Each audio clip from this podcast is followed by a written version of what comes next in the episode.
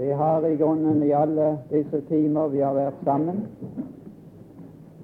stansa bare på én klasse særlig av de tre grupper som Gud har inndelt slekten i i denne tid. Helst for hedningene og hedningenes tider. Og vi har forsøkt å ta for oss fra Skriften hva det er. Ikke bare rive det løs og ta det just som det står, det skriftstedet i Lukas 21, 24. For etter det skriftstedet så kan det se ut som hedningenes tid slutta når Jerusalem ble befridd. Men det er langt fra tilfellet. For uh, Jerusalem og, Jud og jødeland og jødefolket, det hører i sammen.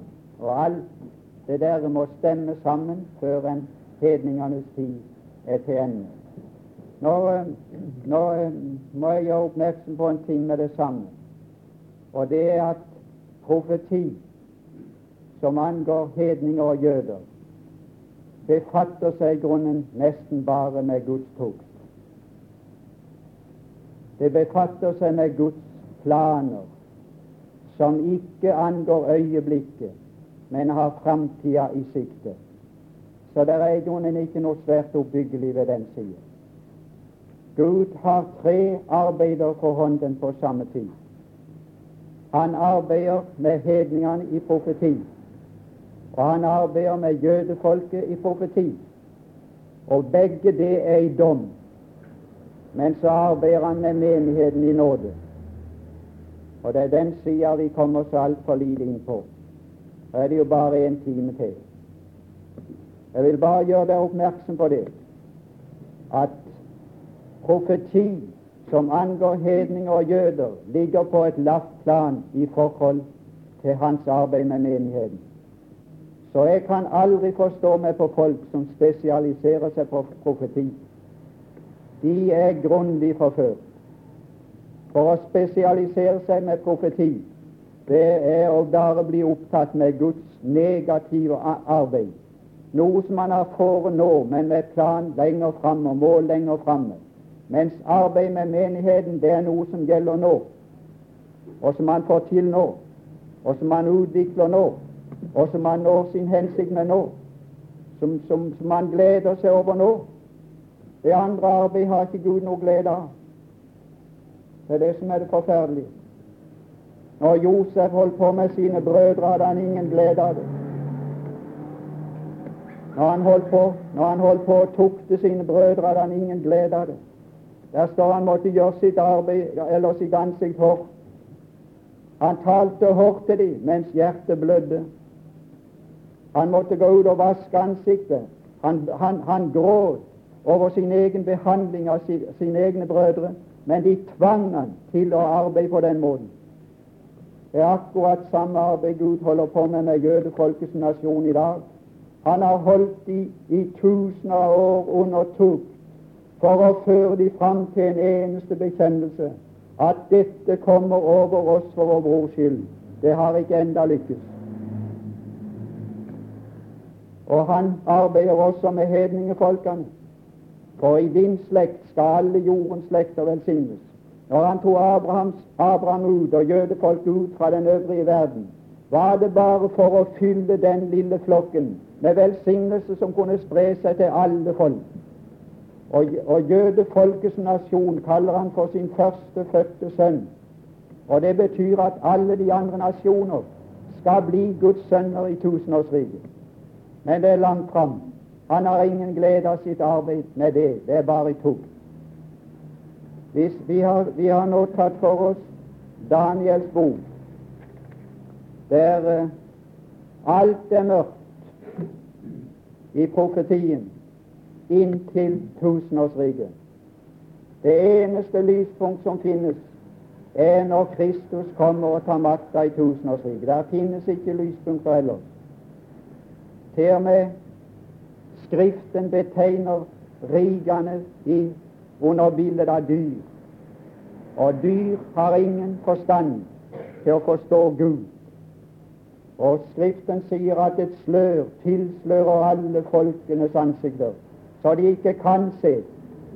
Og Derfor så baler de på med politikk og med reformer og, og med nydannelser og alle mulige ting for å få skikk på det, og får, det aldri til.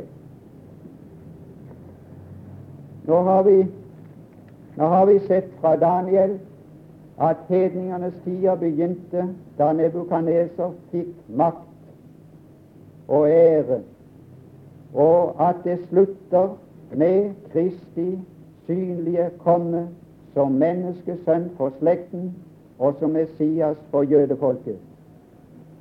Nå får vi ikke tid til å ta noe om, om uh, menigheten noe særlig, men til menigheten kommer han aldri slik. Han kommer som brudgommen. Han kommer aldri som lynet. Der skal ingen forferdelse bli. Da jeg reiste til Høyland for å gifte meg med Johanna, så kom jeg ikke som noe lyn. Hun ble ikke redd for meg. Helst en fin bil skulle hun komme i. Så det tok seg riktig greit ut. Ja, ja. Han skal ikke komme som lyn og skremme noen, han. Å nei, nei. Langt ifra. Han skal komme som brudgommen, som vi venter, som vi elsker, som vår sjel elsker. Vi hørte når han ba, han lengta etter å se Jesus. Den dag er lengselen oppfylt, og han tilfredsstiller all vår trang samtidig med at hedningenes tider går sin gang, går også jødefolkets tider sin gang. Det skal vi også lese om i Daniels bok, det niende kapittel. Så her, venner, der løper to tider sammen i Skriften. Ja, der løper tre tider sammen. De løper sammen på samme tid. Den ene avsluttes litt før den andre. Og den ene begynner litt senere enn den andre. Men i lange tidsrom løper de sammen. Men Gud har et arbeid for med hedninger, han har et arbeid for med jøder, og han har et arbeid for med menigheten. Og alt pågår på samme tid, men ikke samme midler og ikke samme mål. De andre, de to flokkene vi har talt om nå, det er dom mens med menigheten er det i nåde. Nå skal vi lese fra Daniel 9. Der er Daniel i bønn for sitt folk. Vi har lest det før fra vers 2, at Daniel leste i bøkene Jeremias og fant ut at de skulle være der i fangenskap i 70 år. Og så vendte han sitt ansikt til Gud i bønn. Og så har han et, et langt kapittel her om hans bønn. Og han tar for seg at Gud har handla bare etter det han skrev. Det sier han i vers 13. Etter det som, skrevet, som skrevet står i Moselov. Han kjente til Mosebøkene. Han kjente det femte Mosebok 28. Dersom du ikke lyder hans røst, skal alle disse forbannelser komme over deg. Og så står det her at han ber om til slutt, i vers 19, Forlat Herre, gi akt og gjør det, og dryg ikke, for din egen skyld, min Gud, for din stad og ditt folk er kalt med ditt navn. Mens jeg enda talte og bar, og bekjente min synd og mitt folks Israels synd, og bar min bønn for min Guds hellige berg framfor Herrens, min Guds åsyn. Mens jeg ennå talte i bønnen, da kom Gabriel. Den mann jeg før hadde sett i synet, den gang jeg ble rent av mektig og rørte ved meg, det var ved aftenofferets tid. Og han lærte meg og talte til meg og sa, Daniel, nå er jeg kommet hit for å lære deg å forstå. Profetien skal forstås, men profetien er skreven. Og du må forstå den skrevne profeti før du kan forstå noe av det som skjer i historien. Jeg gir aldri det granne for dem som går rett til historien. Du all verden hvor lett det er. Du kan bare lese aviser. Du kan bare høre på radio. Du kan reise til Palestina. Du kan se det med dine øyne. Du tar ikke grunne på noe Guds ord. De leser historien, og så finner de et eller annet bitte lite trekk som passer, og så er det, så er det oppfyllelse. Nei, venn, du må først lære det som er skrevet i profeti, og få tak i linjene i profetien. Få tak i de store tidsrom i profetien. Så har du ikke så lett for å putte inn noe småtteri der. Her skulle han lære å forstå. Med det samme du begynte å frembære dine ydmyke bønner, kom det et ord, og nå er jeg kommet for å kunngjøre deg det.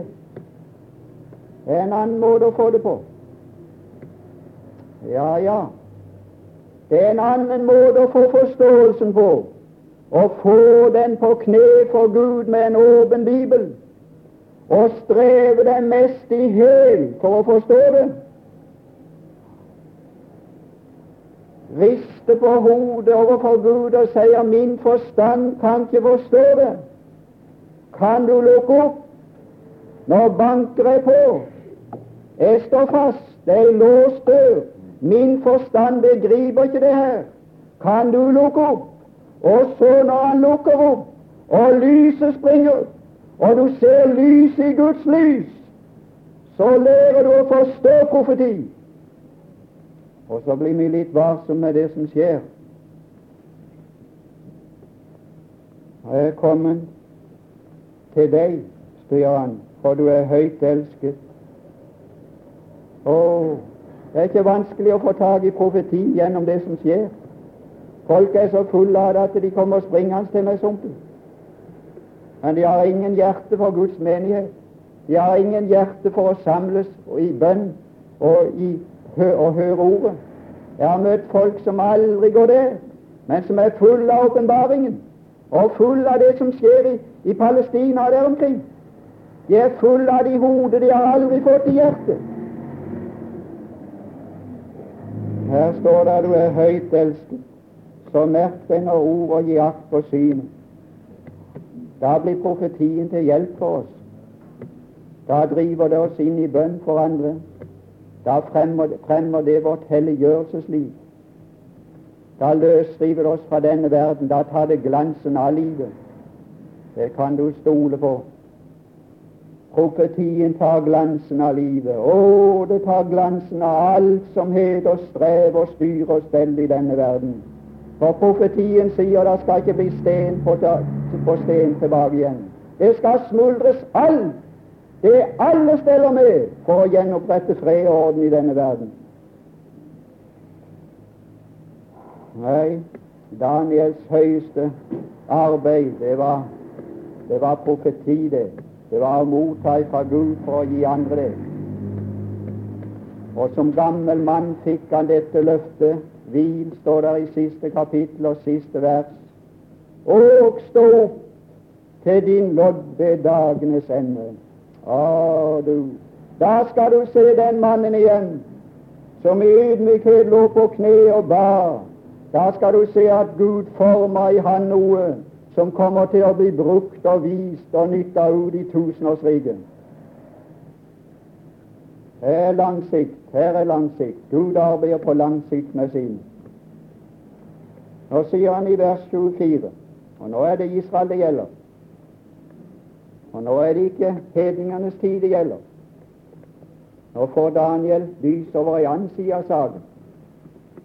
70 uker. Og der står stjerner. Og så må du se ned under at med uke menes her et tidsrom av syv år. Er tilmålt. Der kan du se. Alle tider er bestemt av Gud. Alle tider er bestemt ovenifra. Min Fader har fastsatt av sin egen makt, sier Jesus. Alle disse tider er bestemt av Gud. 70 uker er tilmålt ditt folk.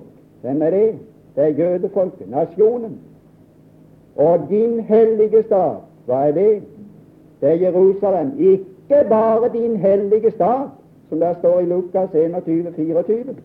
Ligge nedtrådt av hedninger til hedningers sier et ende. Og nei, nei, det er ikke bare tilmålt staten, men det er tilmålt folket. Og før en folket er kommet til, til omvendelse som nasjon og folk, så blir heller aldri staten frigjort, selv om den er på Israels hender. Men der skjer blodige ting der nede, og det skal der aldri skje når Gud er i den. Det skal vi lese opp litt før vi slutter.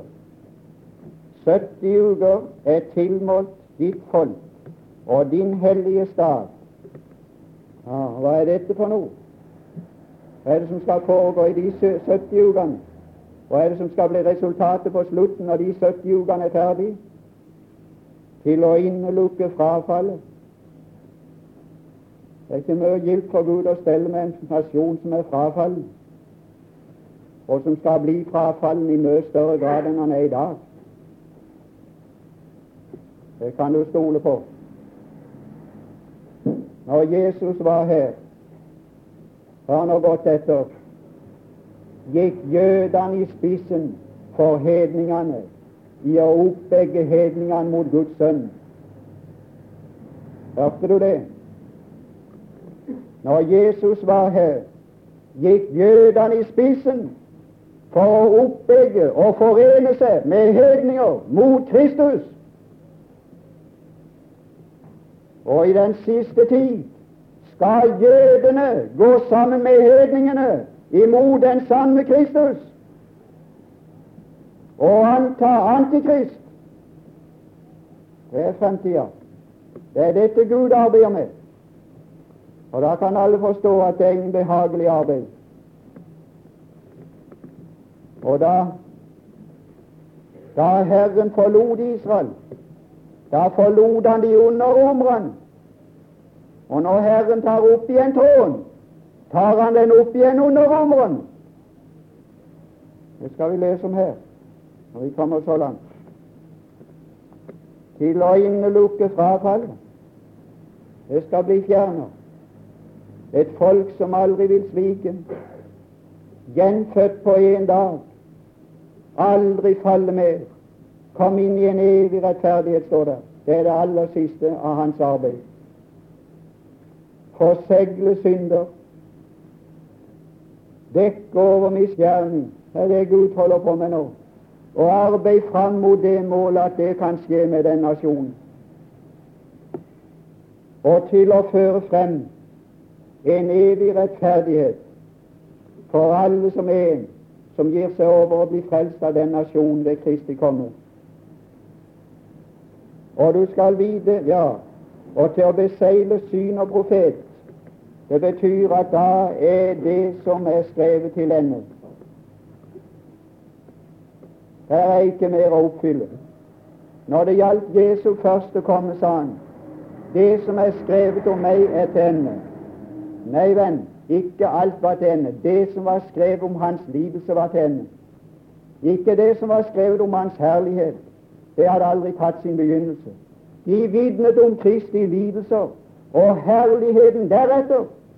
Men når Jesus sto foran korset, sa han det som er skrevet om meg, hva korset angår, det er til ende.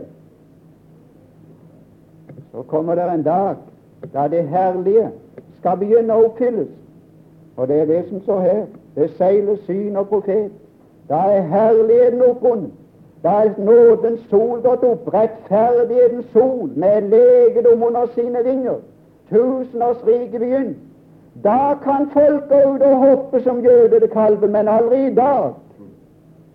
Så hvis noen bærer seg av på den måten, da lever de i tusenårsriket. For det er bare gode omstendigheter så du kan gjøre så. Men i dag er det ingen gode omstendigheter som påvirker oss til å gå ut og hoppe som jødede kalver. For da hopper vi på en kirkegård der millioner går fortapt ustanselig. Vogn opp, du som sover, stå opp fra de døde. Det er verden omkring oss. Det er der vi er satt. Stå opp fra de døde og bli i stand til å redde dem. Og salvet aller helligste. Ja da kommer underlige ting tilbake igjen. Jeg snakket med en her i går om det. I Esekiel 40 og utover så står det målene på et nytt tempel. Ja, ja. Og der skal de ofre. Og der skal de ofre blodige offer. Ja, ja. Enda alle ofringer står der opphørt i hebreerbrevet. Men det skal opp igjen. Vi skal ofre blodige offer til minne om Golgatas offer. Og da skal det være et aller helligst i Jerusalem, der det skal være levitter og prester. Og da skal han løfte opp noen av hedningene inn i samme stilling, bare noen få. Ellers skal den øvrige masse være under. Og Jerusalem skal bli sentrum for all tilbedelse i de tusen år. Vi går videre der i vers 25. Og du skal videre forstå det er profeti. Ja, ord betyr noe, venner. Ja betyr ja, og nei betyr nei. Og alle ord i Skriften har sitt bestemte innhold, og det er bestemt til å forstås. Han sier til Timotius, forstå hva jeg sier. Kan du det av deg selv? Nei. Herren skal gi deg forstand på alt. Vi har fått salvelse av Den hellige og ved. For den salvelse lærer oss, for det er den som har inspirert Skriften og vet hva der ligger i uttrykkene. Vi er totalt avhengige av nåde, og vi er totalt i menighetens tid er vi totalt avhengige av nådegaver for at menigheten skal oppbygges. Ikke av naturbegavelser. Vi er ikke avhengig av sangstemme, for det er naturbegavelse. Og Jeg traff en predikant nå nylig som sa og kan det være at det er så mange nådegaver til å synge sann, og ikke en av de kan vitne? Hva er det for noe? Hva er det for noe? Ja, hva er det for noe? Tar vi i bruk naturen, eller tar vi i bruk nådegaver? Det er spørsmålet. I Guds menighet er det bare nådegaver, sammen med naturgaver, men aldri alene. Dere må ikke forstå sånn at det er forkaster sang og musikk, men musikk skal bare, akkurat som min stemme, gi en følelse av ordets innhold. Hvis det var fullkommen i tale, skulle hvert ord ha en bestemt klang som svarte til innholdet og fremhevde innholdet. Og hvis ikke musikken fremhever innholdet og gjør innholdet mer forståelig, så hører det djevelen til og er hans fugl som snapper ordet vekk fra hjertet. Så pass dere for å synge slik og gå i djevelens tjeneste. For det er hans tjenere som snapper ordet vekk fra hjertene så de ikke skal forstå det. Du skal videre forstå Gud er forstandig. Vi er forstandige. Han ønsker å bli forstått, gjør seg forstått. Det ordet som falt i den gode jord, det er de som hører ordet og forstår det. Det går opp for oss. Vi ser lys i Guds lys, og vi blir aldri store av det. For jeg skal fortelle deg at det er to vektskåler. Det er en vektskål som heter 'strev for å få det', som det er så mye i at om Gud gir deg en åpenbarelse, så går du aldri til topp.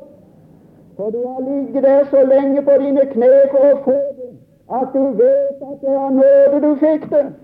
Så det er aldri noe å rote seg av. Men får du uten den lidelsen, så skal jeg jeg regner med at du kommer til å ødelegge med visdom eller kunnskapen. Du skal videre forstå fra den tid, profetiene tid. Husk nå det. Pass deg for å misbruke tida. Du skal videre forstå fra den tid, fra den tid. Fra den tid begynner de 70 ukene. De 490 årene. Det begynner fra den tid. Fra den tid ordet utgår om å gjenreise og oppbygge Jerusalem. Ja, det har ikke jeg så mye interesse av å vite det. Jeg har ikke lest mye historie i mitt liv. Jeg kunne sikkert ha funnet det ut der. Men jeg vet bare hvor langt den tida skal gå, så har jeg det i Bibelen. Inntil en salvet, en fyrste, står frem, skal det gå syv uker pluss 62 uker. Det Jerusalem skal bygges, settes i stand og oppbygges med gater og vollgraver, men under tidenes trengsel. Der står Nehemias 2, 7-900, jeg vil anta det er rett, det. Det er når de murte med sverd ved hånd. Halvdelen med, med sverd og halvdelen med murskje under tidenes trengsel. Ble den oppbygd. Og så kommer det et nytt uttrykk. Etter de 62 uker skal den salvede utryddes og intet ha. Så har vi korset. Så vet jeg det. Så behøver jeg ikke å vite når tid det begynte. Jeg vet bare når tid de 69 ukene slutter. De slutta ved Golgata. Og intet har. Så går han litt forbi. Ja, så går han litt forbi Golgata. Skal du se om du kjenner det igjen? Som vi har lest om i Lukas. Nå kommer det her. Ser du en? At Bibelen er gitt av en person som kjente sine egne tanker og planer fra begynnelsen. Her kommer noe av samme som i Lukas. Og, og staden, Jerusalem, og helligdommen skal en kommende fyrstes folk Ikke en kommende fyrste, men en kommende fyrstes folk ødelegge ikke bare halvdelen, men Jesus sa byen og tempelet. Det er samme profetien. Det er samme tidspunktet. Det er år 70. Det er fint å se. Her er en som fra begynnelsen får sine venner. Her er en som har kontroll. Ja, ja, her står vi i vers 20. Jeg tror vi må ta det med samme. Det kom for meg. 10-20. Men først vil jeg kunngjøre deg hva som er opptegnet i sannhetsbok av en Gud har programmet. Gud har programmet for enhver tid og enhver hendelse skrevet ned, ikke i denne bok, men i sannhetsbok i herlighet. Og engelen sier, 'Jeg vil kunngjøre deg hva som er oppskrevet i sannhetsbok'. Det går etter Guds plan. Det er godt å vite. Så står det vi skal gå videre der i vers 26. Etter de 62 uker skal den salvede utryddes, det er Kristus, og intet ha. Vi vil ikke ha denne til konge over oss. Hva er det for en salvelse? Han var salva til konge. Ja, ja. Vi vil ikke ha denne til konge over oss. Hvem vil dere da ha? Vi vil ha keiseren. Ja, dere har fått han. De har han den dag i dag. Ja, ja. Og de er blitt kasta fra den ene til den andre, skal holdes på. Og kastes fra den ene til den andre. Og staden, Jerusalem og helligdommen skal en kommende fyrste Hva er det for en? Det er Antikristet. Og skal han være for noe? Han skal være romer, han. Nei, ikke Antikrist. Den, det politiske hodet. Antikrist er ikke politisk. Antikrist er religiøs. Men Antikrist og den politiske leder slutter lag og pakt sammen. En kommende fyrstesfolk, hvem var det? Det var romerne. Skal ødelegge staden. Og enden på det er oversvømmelse. Men så står det et lite merkelig uttrykk inntil enden. Og hva er enden for noe? Det var når Kristus kom i herlighet som Messias til Israel. Inntil den enden, sier han, er det krig. ødeleggelse fast besluttet. Inntil den enden ifra Golgata er det en parentes som det ikke er sagt noe om. Og det er den tredje tid. Det er menighetens tid. Og så tar han opp den siste. Ved Golgata så vi, vi, vi, har ei klokke hjemme får trukket nå, hun slår og larmer så. Johanna ligger like under. Så vi må stanse den om kvelden. Ikke ha de slagene. Ja. På Golgata så sa Gud til klokka nå, nå får du henge stille en stund. Henge stille en stund. Ja. Ned med permedikken der i bunnen. Og så henger du stille. Ikke gå nå noen år. Nå skal det ingen tid være. Ingen årstall. Nei, nei. Inntil Ja, inntil. Hvor lenge? Ingen vet det. Ingen vet det. Ingen vet det. En uke Ja, den er ikke kommet ennå. Skal vi se den ene uka? Nei, den er ikke kommet. Da begynner klokka å gå igjen. Da gir han et lite pukk, så svinger hun igjen. Så slår hun syv slag, syv år. Ja, ja, syv år som står igjen. Hvem over? Jødefolket. Til å innelukke frafallet og til å forsegle synder og profet og syn og frembringe en evig rettferdighet. Men før, tar, før han tar det opp, har han et annet arbeid for og det er menigheten. Men når det arbeidet er har han bare to arbeider i verden, og det finner du igjen i neste vers. En uke, det er den siste, sju år. 69 er passert. Ett år igjen.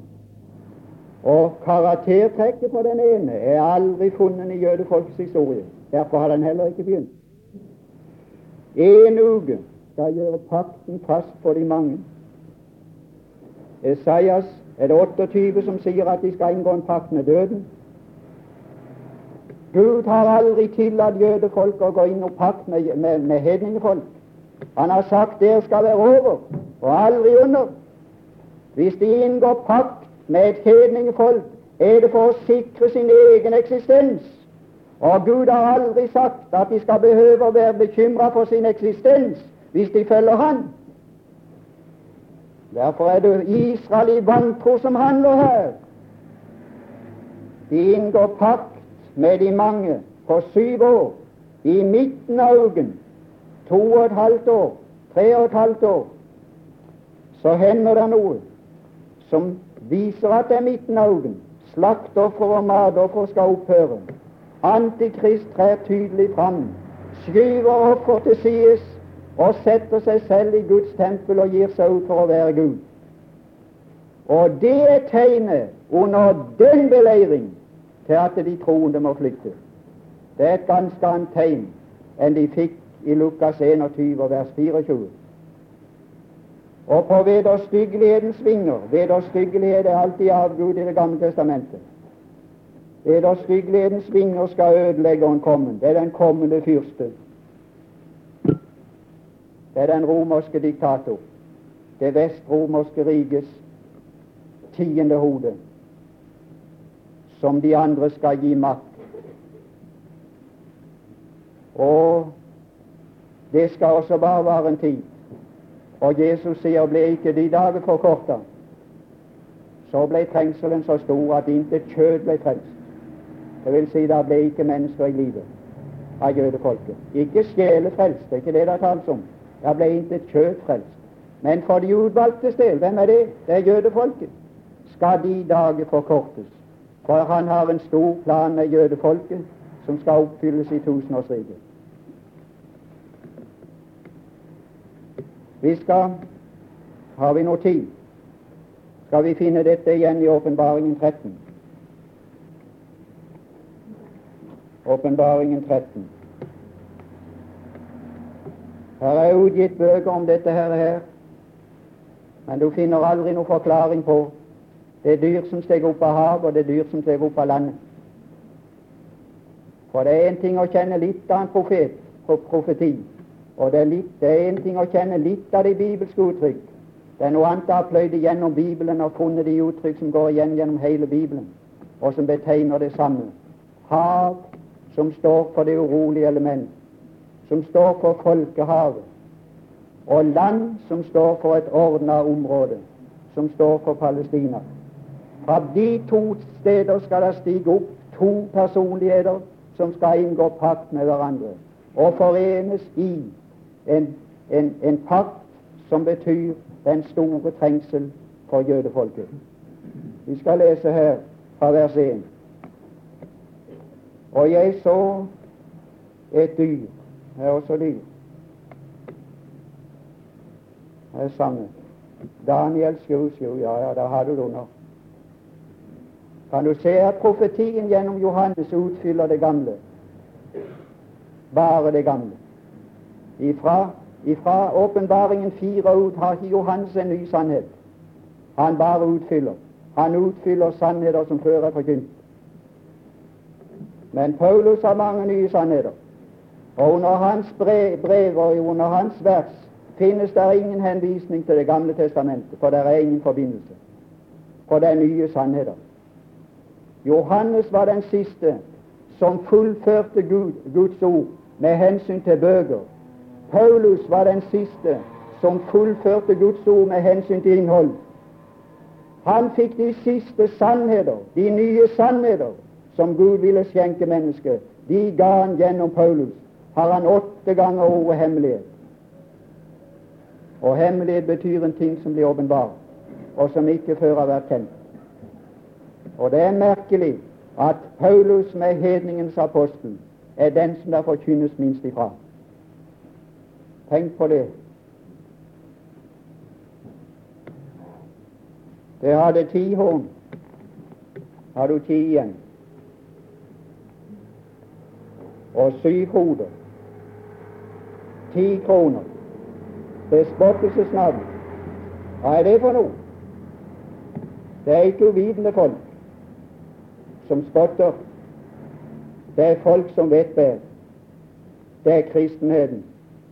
Det er den frafalne vesterlandske kristenhet som har hatt Bibelen, og har han fremdeles, men som har revet Bibelen i stykker og antatt menneskelærdommen, og som spotter. Og jeg skal fortelle dere med samme at jeg leste en gang ei bok av Valen Senstad, som nå er død, som tar for seg Moskva rom. Og skal jeg si det er en forferdelig sannhet, som jeg kan ikke stå for. Men vet du hva han sa? Hvis jeg skal velge å komme under en av de allianser, vil jeg velge å komme under, under Moskva. Ja, ja. For under Rom er det ikke sjanse for evangelisk liv å overleve. Det er systematisk gjennomført fra de spede barn som tar de under kontroll og spør de ut om alle ting, som i skriftemålet holder kontroll med alt som skjer. Det er det ikke i Russland. Det er en kirke som eksisterer. En menighet som nok er under jorda. Å, men de samles. Og jeg har sett, eller hørt folk som har sett, som har sett, som har sett bilder derfra når de synger i smugg når de reiser opp til 30 mil for å lese en bibel. Å, som, som stråler, som aldri har hørt sånn en sang i sitt liv som de har hørt der. I, i trelldom, i under jorda, men samles, finner hverandre.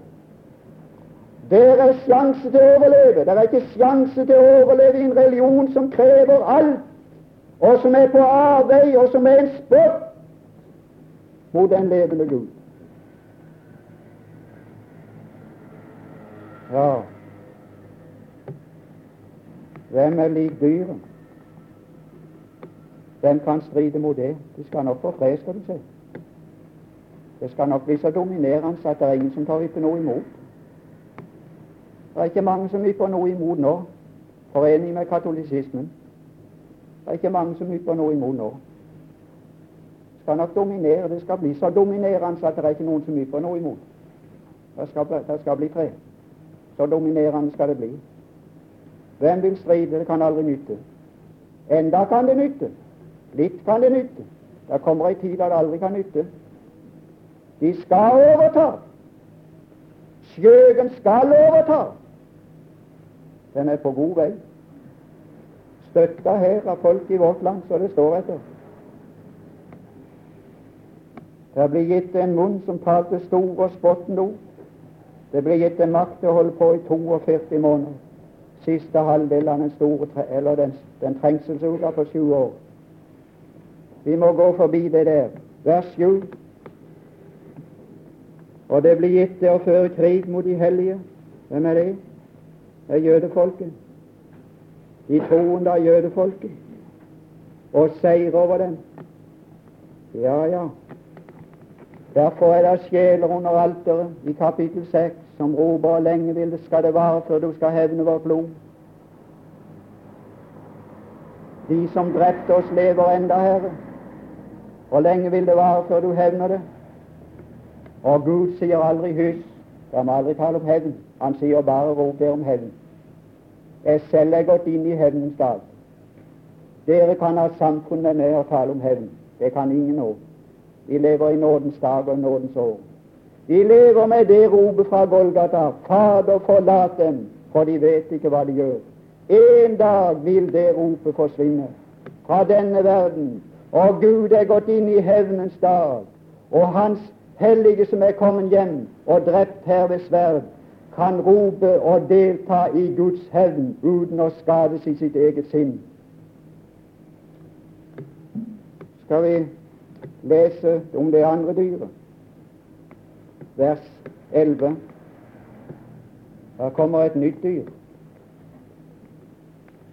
Og jeg så et annet dyr stige opp av jorden. Ja, den tredje, på den tredje dag skilte Gud vannet og jorden. I den tredje husholdning skilte han ut jødefolket fra hedningefolkene. Den tredje dag står for adskillelse. Jorden står for det faste, det regulerte. Havet står for det ukontrollerte, for det som bestandig er i bevegelse. Det står for hedningeverdenen som stadig er i bevegelse. Du hører det i radioen. Krig, rykter om krig. Oppstand, hæren tar makta. Hva er dette for noe? Vil dere merke dere det neste gang det kommer? Er det jernet? Er det jernet vi nærmer oss? Jerngrepet? Jerngrepet? Hæren tar makta. Føddene av jern og ler. Noe som skal være godt. De gjør det for fredens skyld, men det er hardt. Her kommer et annet dyr som stiger opp av jorden. Det hadde også horn, men ikke ti. Det hadde to. To horn. Horn står for makt. To embeter. To embeter. Kristus har to embeter. Konge og prest. Det er en som er etterligner Kristus. Talte like som et lam. Ja, ja, etterligner Kristus. Men det er like som et lam, men talte som en drage, inspirert av djevelen. Det er Antikrist. Og nå kommer han ord. De gjør det første dyrs hele makt. Det bruker det første dyrs hele makt på dets øyne og gjør at jorden og de som bor på den, tilbeder det første dyr hvis dødsår blir lek. Og vi må gå ifra det der. Og det gjør store tegn, så at det endog får ild til å falle ned fra himmelen på jorden for menneskenes øyne. Og jeg skal fortelle dere, venner, at tida er sjuk etter tegn. Og det er noe det betyr. Ja, det er ikke noe med å samles på bedehuset, det er så tørt. Det skjer ikke noe. Det er ikke liv. Det er ikke noe å samle som et foredrag. Dette vil de kalle et foredrag vi har hatt her. Det er for tørt. Vi må ha noe som kan merkes som er overnaturlig. Kan stole på vi nærmer oss ei underlig tid.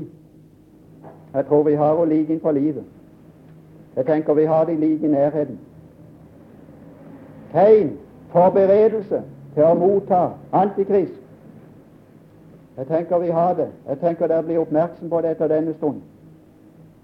Jeg har fått, jeg har fått tilsendt ei bok der en forkynner skriver rett ut at i hans møter ser de Kristus personlig.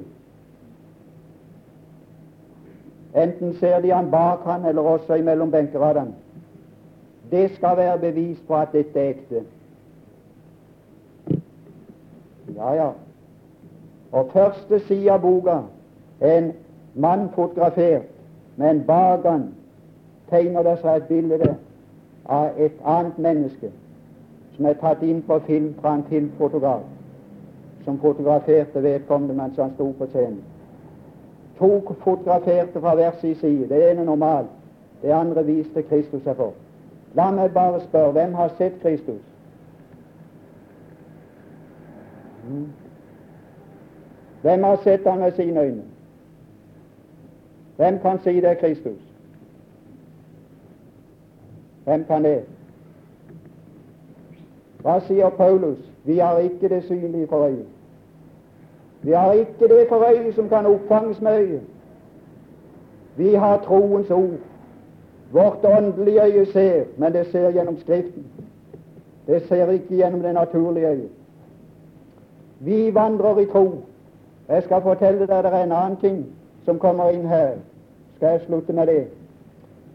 Da Thomas ikke hadde vært til stede påskedagen, sa han uten at jeg får se, så vil jeg ikke tro.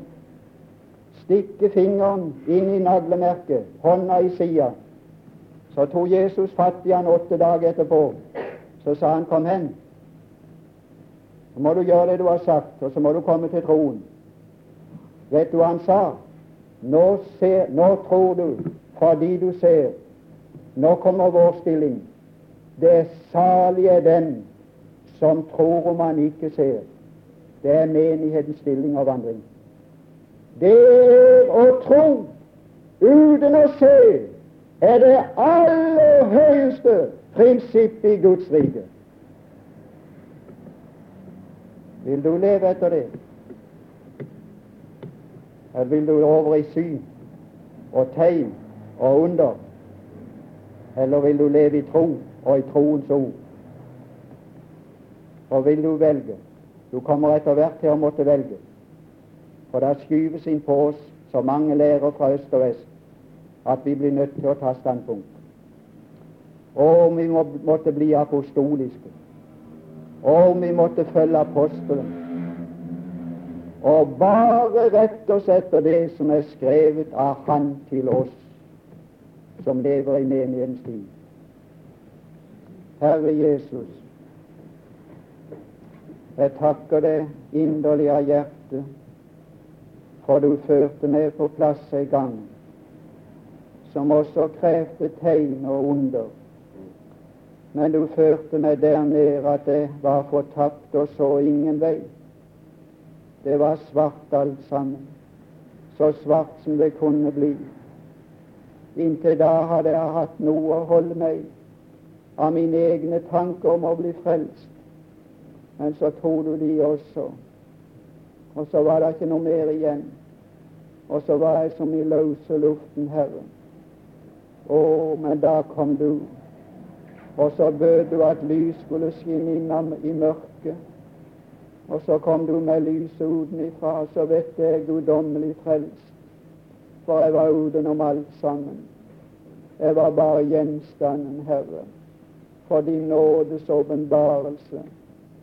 Og så viste du meg Kristus, og så var jeg frelst. Å, jeg lover å prise deg for det. Og så ønsker jeg å få sette på samme måten ved å høre og tro og leve ved det ord som du har gitt til oss i denne husholdning. Velsign alt ditt folk her. Velsign oss, o Gud, til å få smak og lyst på sannheten og leve på den dag og natt så den går inn i oss og blir en del av oss, så det blir åndelige karakterer som kan stå seg mot alle disse lærdomsvær som blåser om